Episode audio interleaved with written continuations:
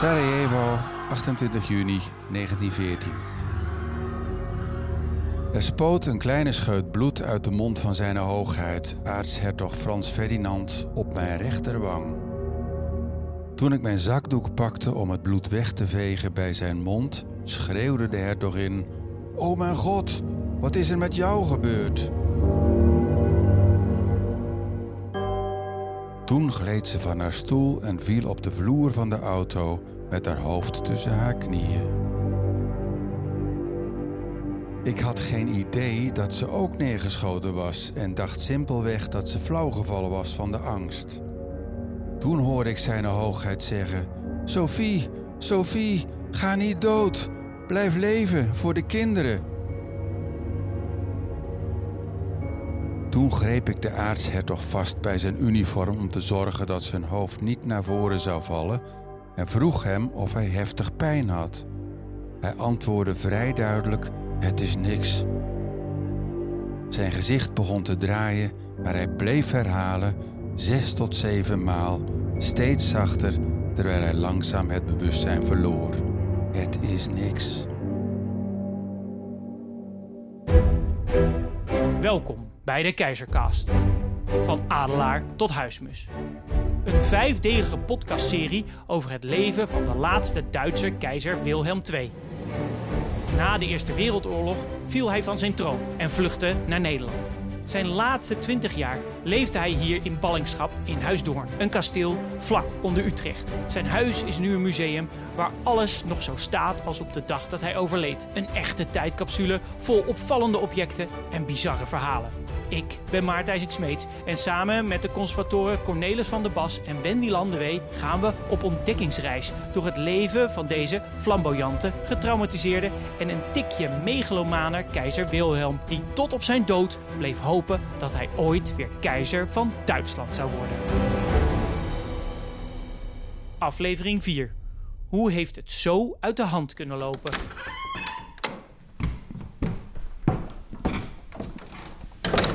Welkom Maarten in de bibliotheek van Huisdoorn. Ja, dankjewel. Want uh, naast de laatste woning van de Duitse keizer... zijn wij ook het Nederlandse kenniscentrum... op het gebied van de Eerste Wereldoorlog. Ah, oké. Dan ben ik hier inderdaad wel op uh, de goede plek. Want ik heb uh, eerlijk gezegd tijdens mijn schooltijd... niet heel veel meegekregen van de Eerste Wereldoorlog. Wel dat er twee schoten waren in Sarajevo... en dat groothertog Frans Ferdinand werd gedood. En dat dat misschien wel letterlijk het startschot was van de Eerste Wereldoorlog. Maar wat de rol van keizer Wilhelm was en uh, hoe deze twee schoten in Sarajevo zorgden voor een loopgravenoorlog in België, dat weet ik allemaal niet. Het zijn misschien grote vragen, maar ik hoop dat je me een beetje kan helpen in uh, deze aflevering.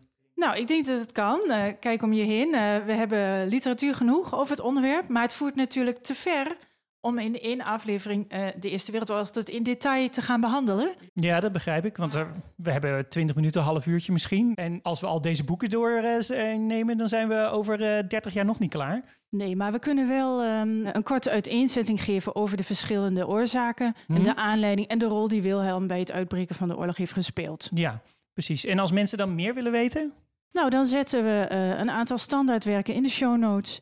En uh, verwijzen we naar andere interessante inhoudelijke podcasts. Oké, okay, nou hartstikke goed. Uh, ja, laten we maar beginnen. Maar waar moeten we beginnen? Het, het, is eigenlijk belangrijk om te kijken naar wie geschiedenis schrijft. Ja. Over het algemeen uh, zeggen we altijd dat de geschiedenis wordt geschreven door de overwinnaars van ja. de oorlogen. En uh, dat is eigenlijk ook gebeurd als je kijkt naar de geschiedschrijving over de Eerste Wereldoorlog. Ja, want zoals ik het geleerd had, zijn de Duitsers eigenlijk de aanstichters van de Eerste Wereldoorlog. Dat is zeker het beeld zoals dat is geschetst. Maar uh, de afgelopen decennia zijn we daar eigenlijk anders naar gaan kijken. Oké. Okay. Uh, er is meer onderzoek gedaan. Mhm. Mm. En uh, uiteindelijk is ook het beeld ontstaan dat er meerdere partijen verantwoordelijk zijn voor het uitbreken van de Eerste Wereldoorlog. Dus, dus niet alleen de Duitsers? Niet alleen de Duitsers, nee. nee. Maar zeker ook uh, Engeland, Frankrijk en Rusland hebben daarbij een belangrijke rol gespeeld. Dus Rusland, Frankrijk, Engeland en uh, nou, dat zijn een heleboel landen bij elkaar. Uh, maar hoe, wat was dan de voedingsbodem voor deze oorlog? Nou, je zou eigenlijk kunnen zeggen dat er sprake is geweest van een samenloop van politieke en sociale omstandigheden, waardoor het eigenlijk onvermijdelijk werd dat Europa zich in een oorlog zou storten. De vraag was niet of er een oorlog zou komen, maar wanneer. Ah, Oké, laten we de verschillende aspecten even proberen uit elkaar te zetten. Uh, in de vorige aflevering heeft Cornelis me uitgelegd dat uh, alle koningshuizen in Europa een beetje met elkaar verbonden waren.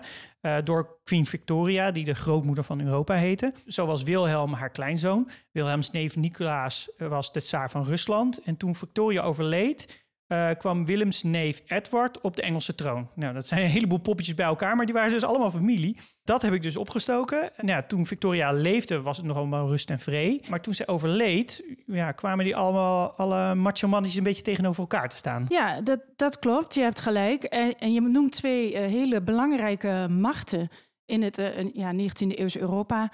Engeland en Duitsland. En mm. Duitsland was eigenlijk een opkomende macht ja? in die tijd.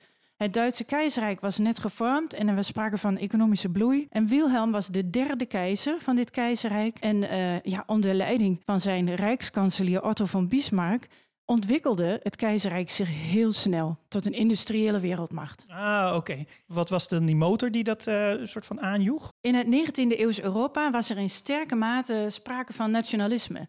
Mensen waren trots op hun eigen land en op hun eigen volk. En veel landen voelden zich ook ja, beter verder dan andere landen. Mm-hmm. dit zorgde voor spanningen en dat speelde ook een rol bij het opkomende moderne imperialisme. Hoe meer koloniën een staat tot zich ja. kon nemen, hoe meer aanzien dit land internationaal verkreeg. Ja. Dus uh, hier waren veel landen op gericht. Ja, uh, Engeland was inderdaad echt zo'n koloniaal land met heel veel koloniën overal. Maar uh, van Duitsland weet ik dat eigenlijk niet zo. Nou, Engeland was de grootste macht op zee en had dus ook de meeste koloniën, mm-hmm. grote vloot. Voor Duitsland was het een ander verhaal. Duitsland was eigenlijk opkomend, ja. wilde ook graag die koloniën verkrijgen. Mm-hmm. En uh, ja, wilde de concurrentie op dat vlak met Groot-Brittannië aangaan en een eigen plek onder de zon verwerven, zo noemden ze dat. Ja. Uh, de Duitse koloniën moesten dus worden uitgebreid.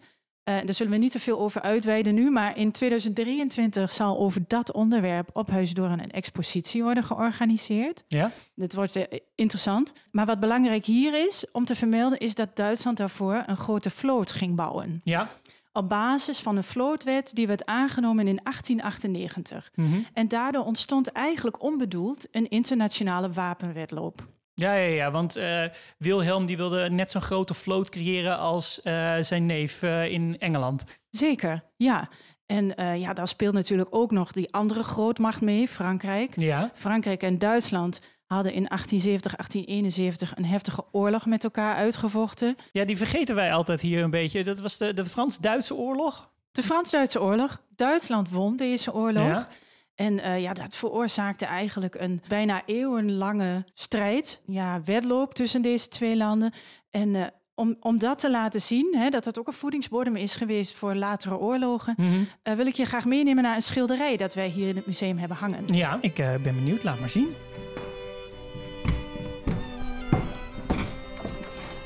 Nou, je ziet daar uh, het portret van generaal Veldmaarschalk von Moltke. Ja, ik zie uh, even voor de, luisteraar. Ik zie uh, hier een man in een zwart legeruniform met rode strepen.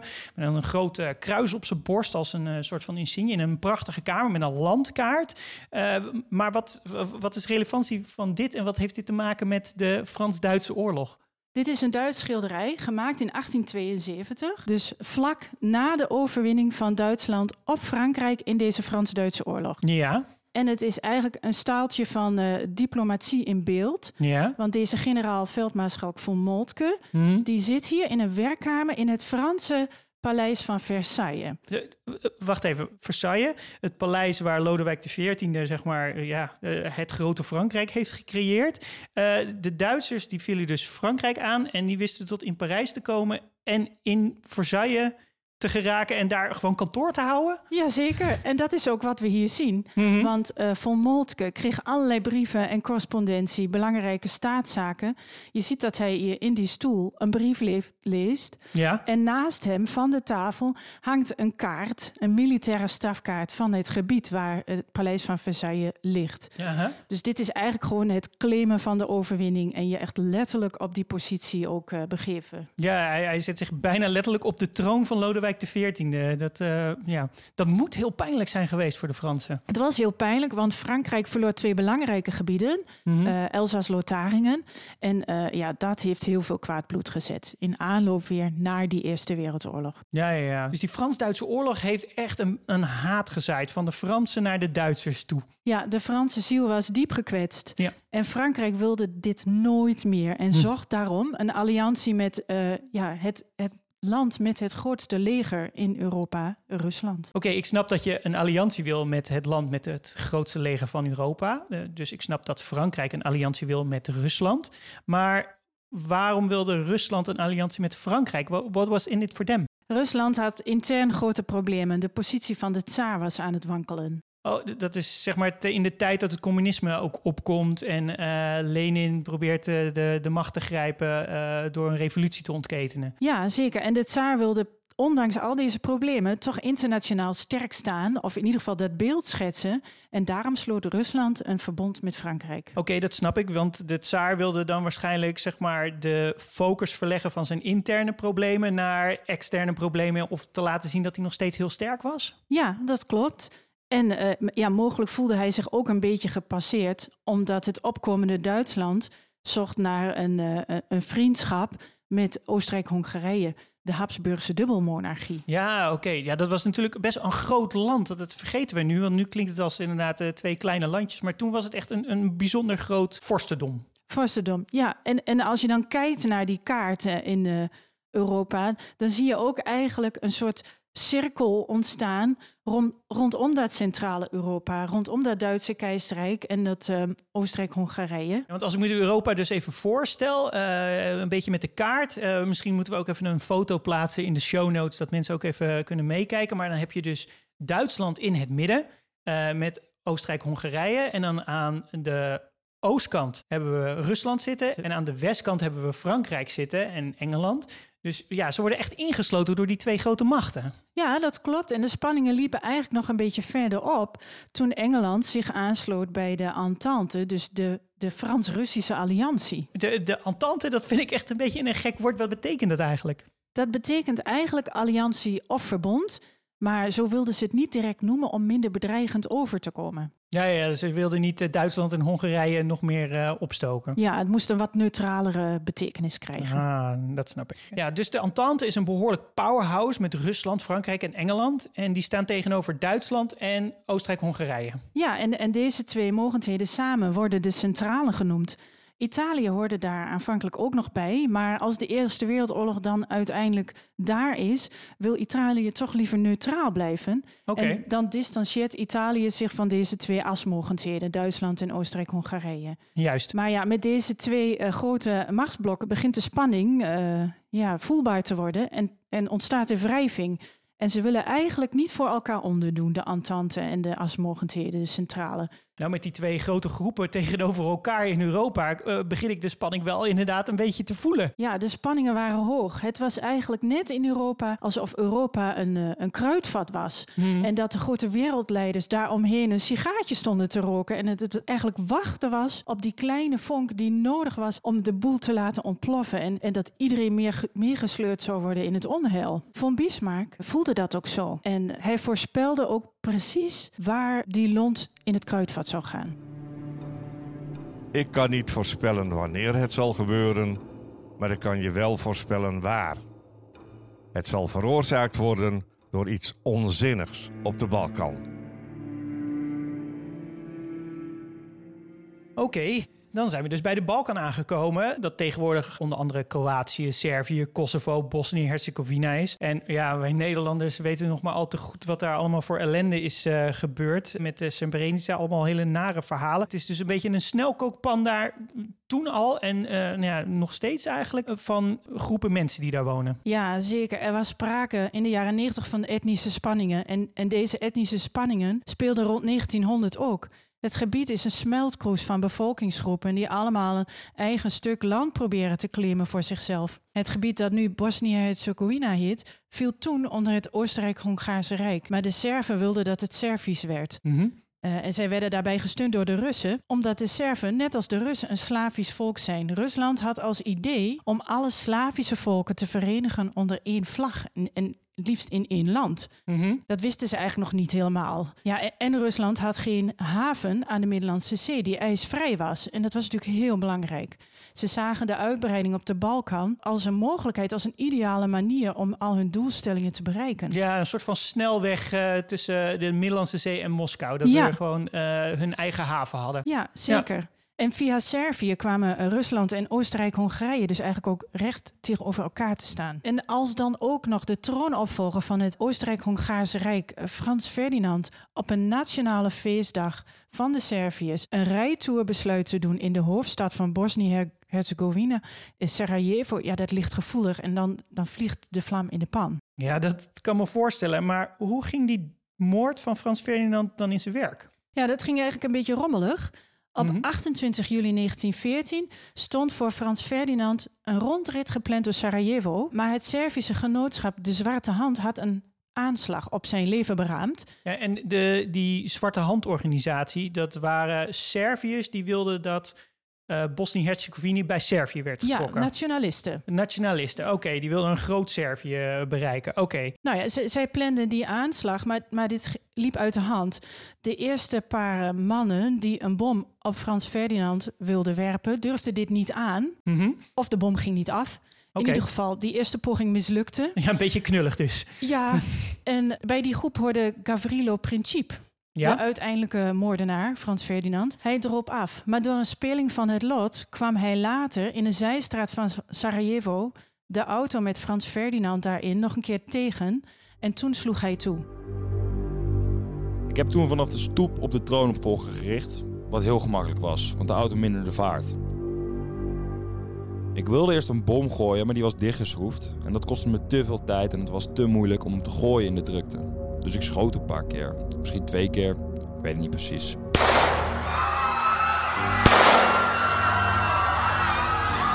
Ik heb zelfs mijn hoofd afgewend toen ik schoot. Ik was zo opgewonden dat ik die bom niet eens had kunnen gooien.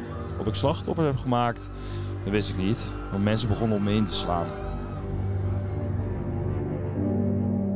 Oké, dat was dan ja, de eerste kogel. Maar hoe leidde dat dan tot een totale wereldoorlog?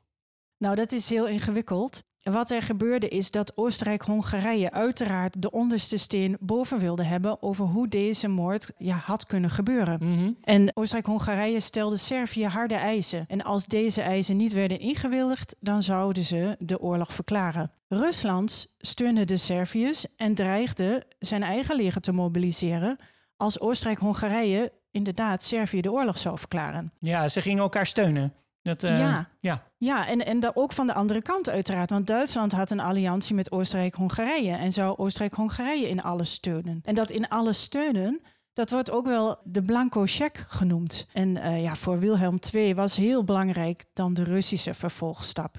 Want als Rusland zijn leger zou mobiliseren, en dat deed Rusland uiteindelijk, ja, dan zou Duitsland natuurlijk worden meegezogen. En uh, ja, dat had weer gevolgen voor Frankrijk. Want Frankrijk zou natuurlijk uh, ja, zijn bondgenoot Rusland weer steunen. Ja, ja, ja. Het, het is ingewikkeld, maar uh, eigenlijk komt het er gewoon op neer zoals het bij mij op het schoolplein vroeger ging. Dat, hè, ik heb ruzie met jou, ik hou mijn broer erbij en jij haalt jouw grotere neef erbij en ik mijn oom erbij. En voor je het weet heb je een volledige vechtpartij op het schoolplein. Ja, ja. Alleen dan was Europa het schoolplein. Ja, zeker. Maar ja, opvallend is dan dat in de weken na de moord er wel een hevige heen- en weerverkeer van telegrammen was en van diplomatieke ja, toenaderingspogingen. Ja, ze wilden er niet, niet aan. Nee, ze, ze deden eigenlijk toch nog alles om te proberen ja, een oorlog te voorkomen. Uh, Wilhelm deed uh, van alles om de boel te deescaleren richting zijn neef, Tsaar Nicolaas II. Ja. En uh, ja, hij wilde ook duidelijk maken dat hij degene niet zou zijn die die oorlog zou starten. Ja, ze probeerden elkaar dus als het ware de hele tijd de zwarte piet toe te schuiven. Van uh, nee, jij bent begonnen, nee, jij bent begonnen. Ja, hoe gek het ook klinkt, met alle interne problemen die alle landen betrokken bij deze oorlog meemaakten. Ja, zou een oorlog ook wel verlichting kunnen brengen. Ja, in om wat voor opzicht dan? Het communisme kwam op en de roep om democratisch gekozen leiders werd steeds sterker. Uh, dus een flinke oorlog met een buitenlandse vijand zou de interne politieke problemen misschien wel in één keer kunnen oplossen. Ja, het is gewoon afleiden van de binnenlandse problemen. Ga je ruzie zoeken met een, uh, met een buitenland, een vijand. En dat verenigt het land dan weer om samen tegen die vijand op te trekken. En dan uh, vergeten we even de binnenlandse problemen. Ja, ja, het gekke is, ze wilden de oorlog niet beginnen. Maar zagen uiteindelijk ook allemaal voor zichzelf dat een snelle en hevige oorlog ook ja, heel veel kon opleveren. Ja, maar een oorlog heeft toch meestal alleen maar verliezers? Ja, dat denken wij nu. Hè. Wij hebben geleerd van de geschiedenis. Rond 1900 waren uh, oorlogen vaak kortere veldslagen van twee weken of maximaal drie maanden. Je ging op veldtocht, je maakte een veldslag mee, je overwon de vijand en je was relatief ja, na korte tijd weer thuis. Ja. En uh, dat, dat, dat ging gepaard met een ongekend optimisme, want iedereen was ervan overtuigd dat ze voor de kerst weer thuis zouden zijn. En die naïeve houding, dat zie je ook wel aan het feit hoe Duitse soldaten met bloemen werden uitgezwaaid. Daar zijn foto's van en uh, ja, die kunnen we in de show notes zetten. Ja. Maar er is ook een heel mooi ooggetuigenverslag uh, van een zoontje van een van de Duitse soldaten die uh, inderdaad ten, ten strijde trokken richting het front. Ik was in een kleine Duitse garnizoenstad in 1914 en ik herinner me groots enthousiasme. Natuurlijk waren wij, wij schooljongens, aan het begin van de oorlog geïndoctrineerd met een geweldig patriotisme. Mijn vader was toen een infanterieofficier. En ik zal nooit vergeten hoe hij naar de trein wegmarcheerde. Alle soldaten waren gedecoreerd met bloemen. Er was geen geweer waar geen bloem uitstak. Zelfs de paarden waren met bloemen versierd.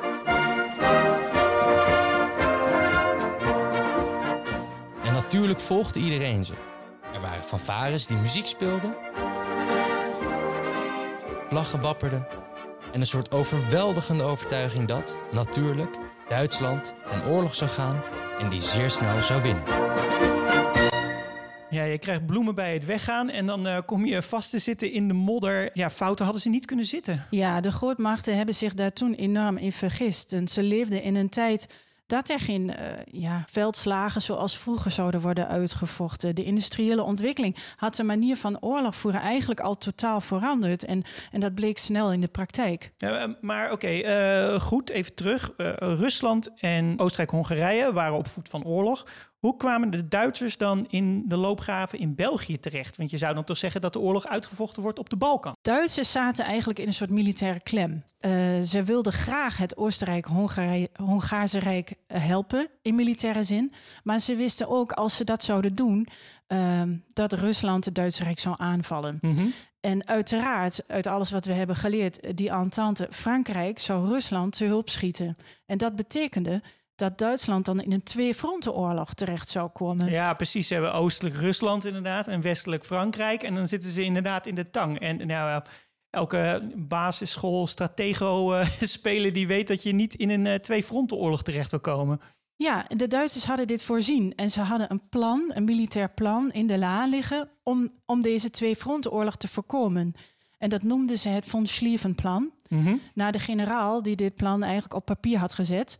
Het preventieve aanvalsplan, wat het was, ging ervan uit dat ze een bliksemsnelle aanval zouden doen richting Frankrijk. En binnen zes weken had de Duitse generale staf bedacht kon het Duitse leger Frankrijk onder de voet lopen. Mm -hmm. Ja, die dachten van wat we tijdens die Frans-Duitse oorlog hebben gedaan, dat kunnen we nu nog een keertje doen. Ja. Dus we pakken eerst het, uh, het slappe jongetje van de klas en dan gaan we vechten tegen de grote jongen. Ja, zeker. En de, die zes weken was precies de tijd die Rusland nodig zou hebben om te mobiliseren. Mm -hmm. Dus een overwinning op Frankrijk betekende dan de handen vrij hebben voor een oorlog aan het Oostfront. Ja, precies. Maar dat klinkt ook bijna te goed om waar te zijn dat je binnen zes weken een uh, land overvalt. Maar uh, het doel was dus Frankrijk. Maar hoe komen ze dan in België terecht? Nou, de kortste of snelste weg van Berlijn naar Parijs was uh, door België. Dus het Duitse leger trok door het neutrale België hmm. richting Frankrijk. Ja, dat, dat was eigenlijk een schending van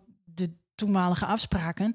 Uh, waardoor de Engelsen zich ook in de oorlog gingen mengen om de Belgische neutraliteit eigenlijk te verdedigen. Ja, precies. En, en zo belanden dus al die landen in de modder van Verdun. Ja, men noemde dat toen ook wel de hel van Verdun. Want jarenlang is daar een soort impasse geweest in de loopgraven de frontlinies verschoven maar minimaal. En, en de partijen groeven zich daar letterlijk in. De ene na de andere lichting soldaten werd eigenlijk over de klink gejaagd, zoals men dat noemde. Ja, om een paar meter terrein te winnen. Want, want effectief was deze manier van oorlog voeren daar niet. Nee. En zij werden natuurlijk gedood door de moderne machinemitrailleurs van tegenstanders. En of je nu uh, soldaat was aan Duitse kant of aan uh, Franse geallieerde kant, dat maakte eigenlijk niet uit. Je was uh, in ieder geval in de loopgraven eigenlijk gewoon kanonnenvlees.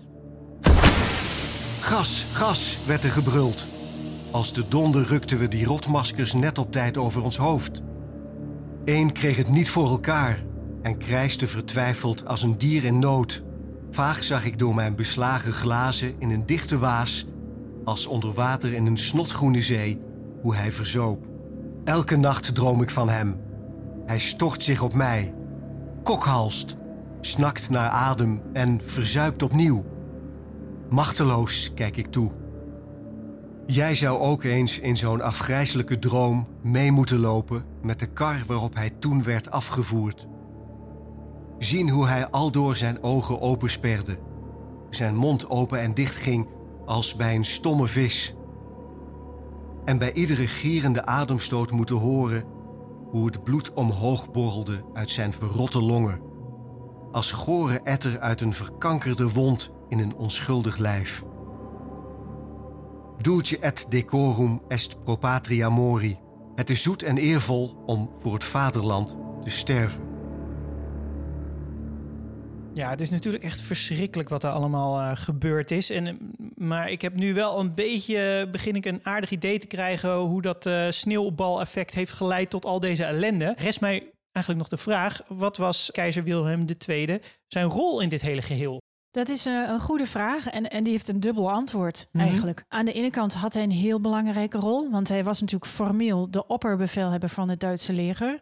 Dus in die zin ook verantwoordelijk voor alles wat het Duitse leger aan oorlogsmisdaden heeft aangericht. Mm -hmm. Maar ja, aan de andere kant moeten we ook even kijken naar um, wat zijn rol was bij het leiden van die oorlog. Ja.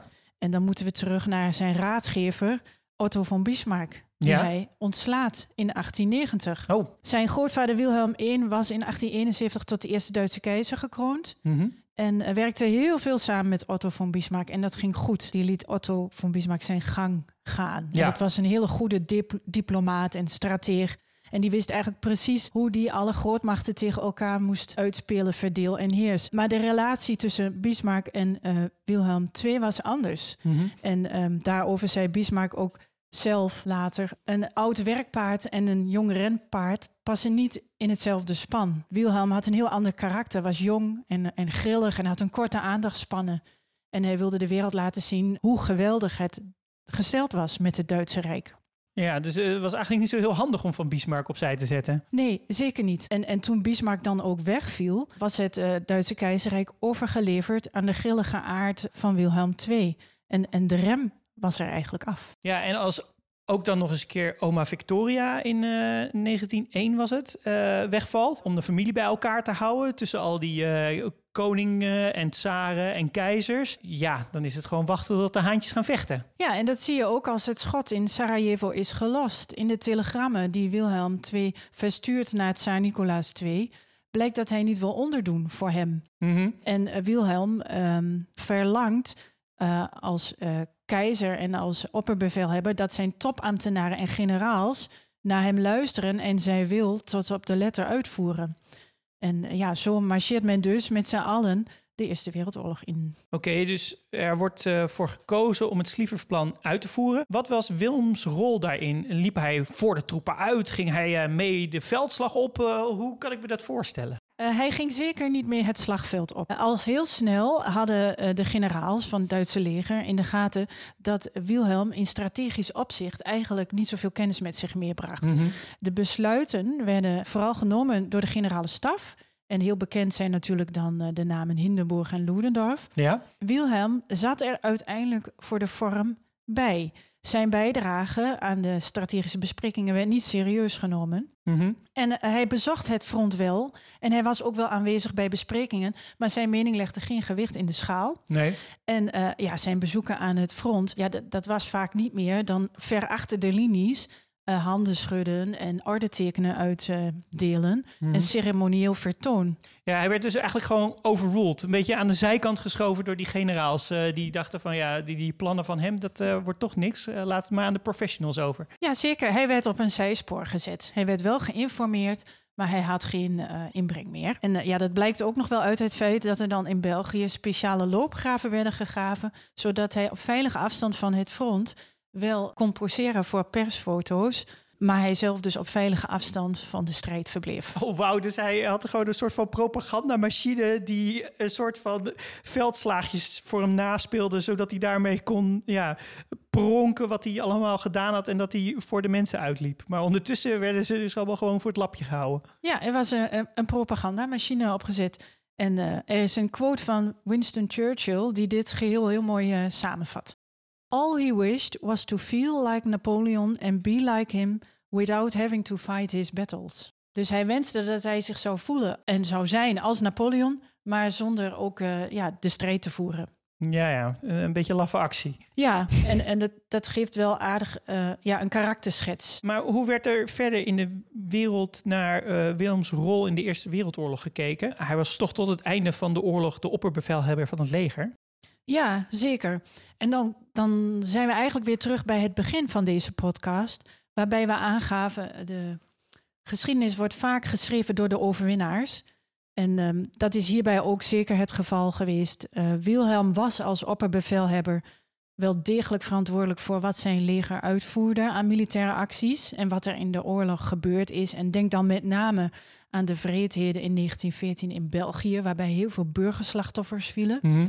En uh, natuurlijk vielen er in de Eerste Wereldoorlog 9,5 miljoen doden. Dat is niet te overzien. Nee, dat is echt verschrikkelijk. Maar uh, ja, wat, wat wij geleerd hebben nu, is dat het beeld wel moet worden bijgesteld. Uh, Wilhelm was als Duits keizer niet in zijn eentje verantwoordelijk voor het uitbreken van die Eerste Wereldoorlog. Daarbij waren ook de andere grote militaire mogendheden betrokken in die tijd. Ja, zoals we beschreven hebben, ze stonden allemaal flink tegenover elkaar en uh, ze zaten ook een beetje te wachten om een robbertje met elkaar te gaan vechten. Ja, ja, zeker. En wij denken daar nu ook veel genuanceerder over. Waar meer vechten, hebben er ook meer schuld. Ja, helder. Hoe werd in Duitsland naar Willems rol gekeken? Nou, toen in het najaar van 1918 duidelijk werd dat het Duitse leger de oorlog ging verliezen, brak er ook in Duitsland een revolutie uit. Soldaten begonnen te muiten. En in oktober um, ja, verspreidde dat revolutionaire vuur zich heel snel. Ja. En de geallieerden wakkerden dit vuur ook aan, want zij wensten niet te onderhandelen over een wapenstilstand met een land dat geen democratie was. Want dat was het Duitse keizerrijk nog niet. Nee, ze waren een keizerrijk, ja. Dus uh, oké. Okay. Nou ja, en op 9 november 1918 bereikte die revolutie Berlijn. Mm -hmm. Er was ook angst dat de communisten uh, aan kop zouden gaan en uh, de revolutie zouden gaan bepalen. En de sociaaldemocraat Philip Scheidemann riep daarom op 9 november de revolutie, ja, de democratie uit, zeg ja. maar. Democratische republiek. Ja, hij wilde de rest zeg maar voor zijn om dat te doen. Ja, ja en, en toen werd de aarde heet onder Wilhelms voeten. Hij, hij kon niet terug en er restte hem niets anders over dan te vluchten. En dat werd het neutrale Nederland. Ja, en dan zijn we weer uh, terug bij uh, waar we in aflevering 1 zijn uh, begonnen. Ja, Wilhelm komt uiteindelijk na anderhalf jaar hier op Huisdoorn terecht. En daar brengt hij de laatste twintig jaar van zijn leven door. En zijn eerste vrouw, Keizerin Auguste Victoria overlijdt al snel. Hij hertrouwt met een veel jongere vrouw en um, ja, sterft in Doorn in 1941, midden in de Tweede Wereldoorlog. Hij wordt hier op het landgoed begraven. Er wordt een mausoleum voor hem gebouwd. En uh, ja, nog altijd uh, rust hij hier in Doorn. Oh, dus we kunnen nog naar hem toe? Ja, maar dat is denk ik iets voor een volgende aflevering. Dit was de vierde aflevering van de Keizercast. In de laatste aflevering gaan we rouwen en trouwen. We bezoeken Wilhelms laatste rustplaats en vertellen alles over zijn twee vrouwen. Ook gaan we terug naar de dag dat Wilhelm werd begraven en hoe die plechtigheid bruut verstoord werd door het bezoek van de nazi's. En oh ja, dan zijn er ook nog de hondjes van Wilhelm. Deze podcast werd gemaakt door het Podcasteel in opdracht van Huisdoorn. Mijn naam is Maarten IJsing-Smeets en voor meer informatie verwijs ik u graag door naar de show notes en de website van Huisdoorn. Wilt u de verhalen van de podcast echt beleven? Kom dan langs in het museum. Dank voor het luisteren en tot de volgende keer.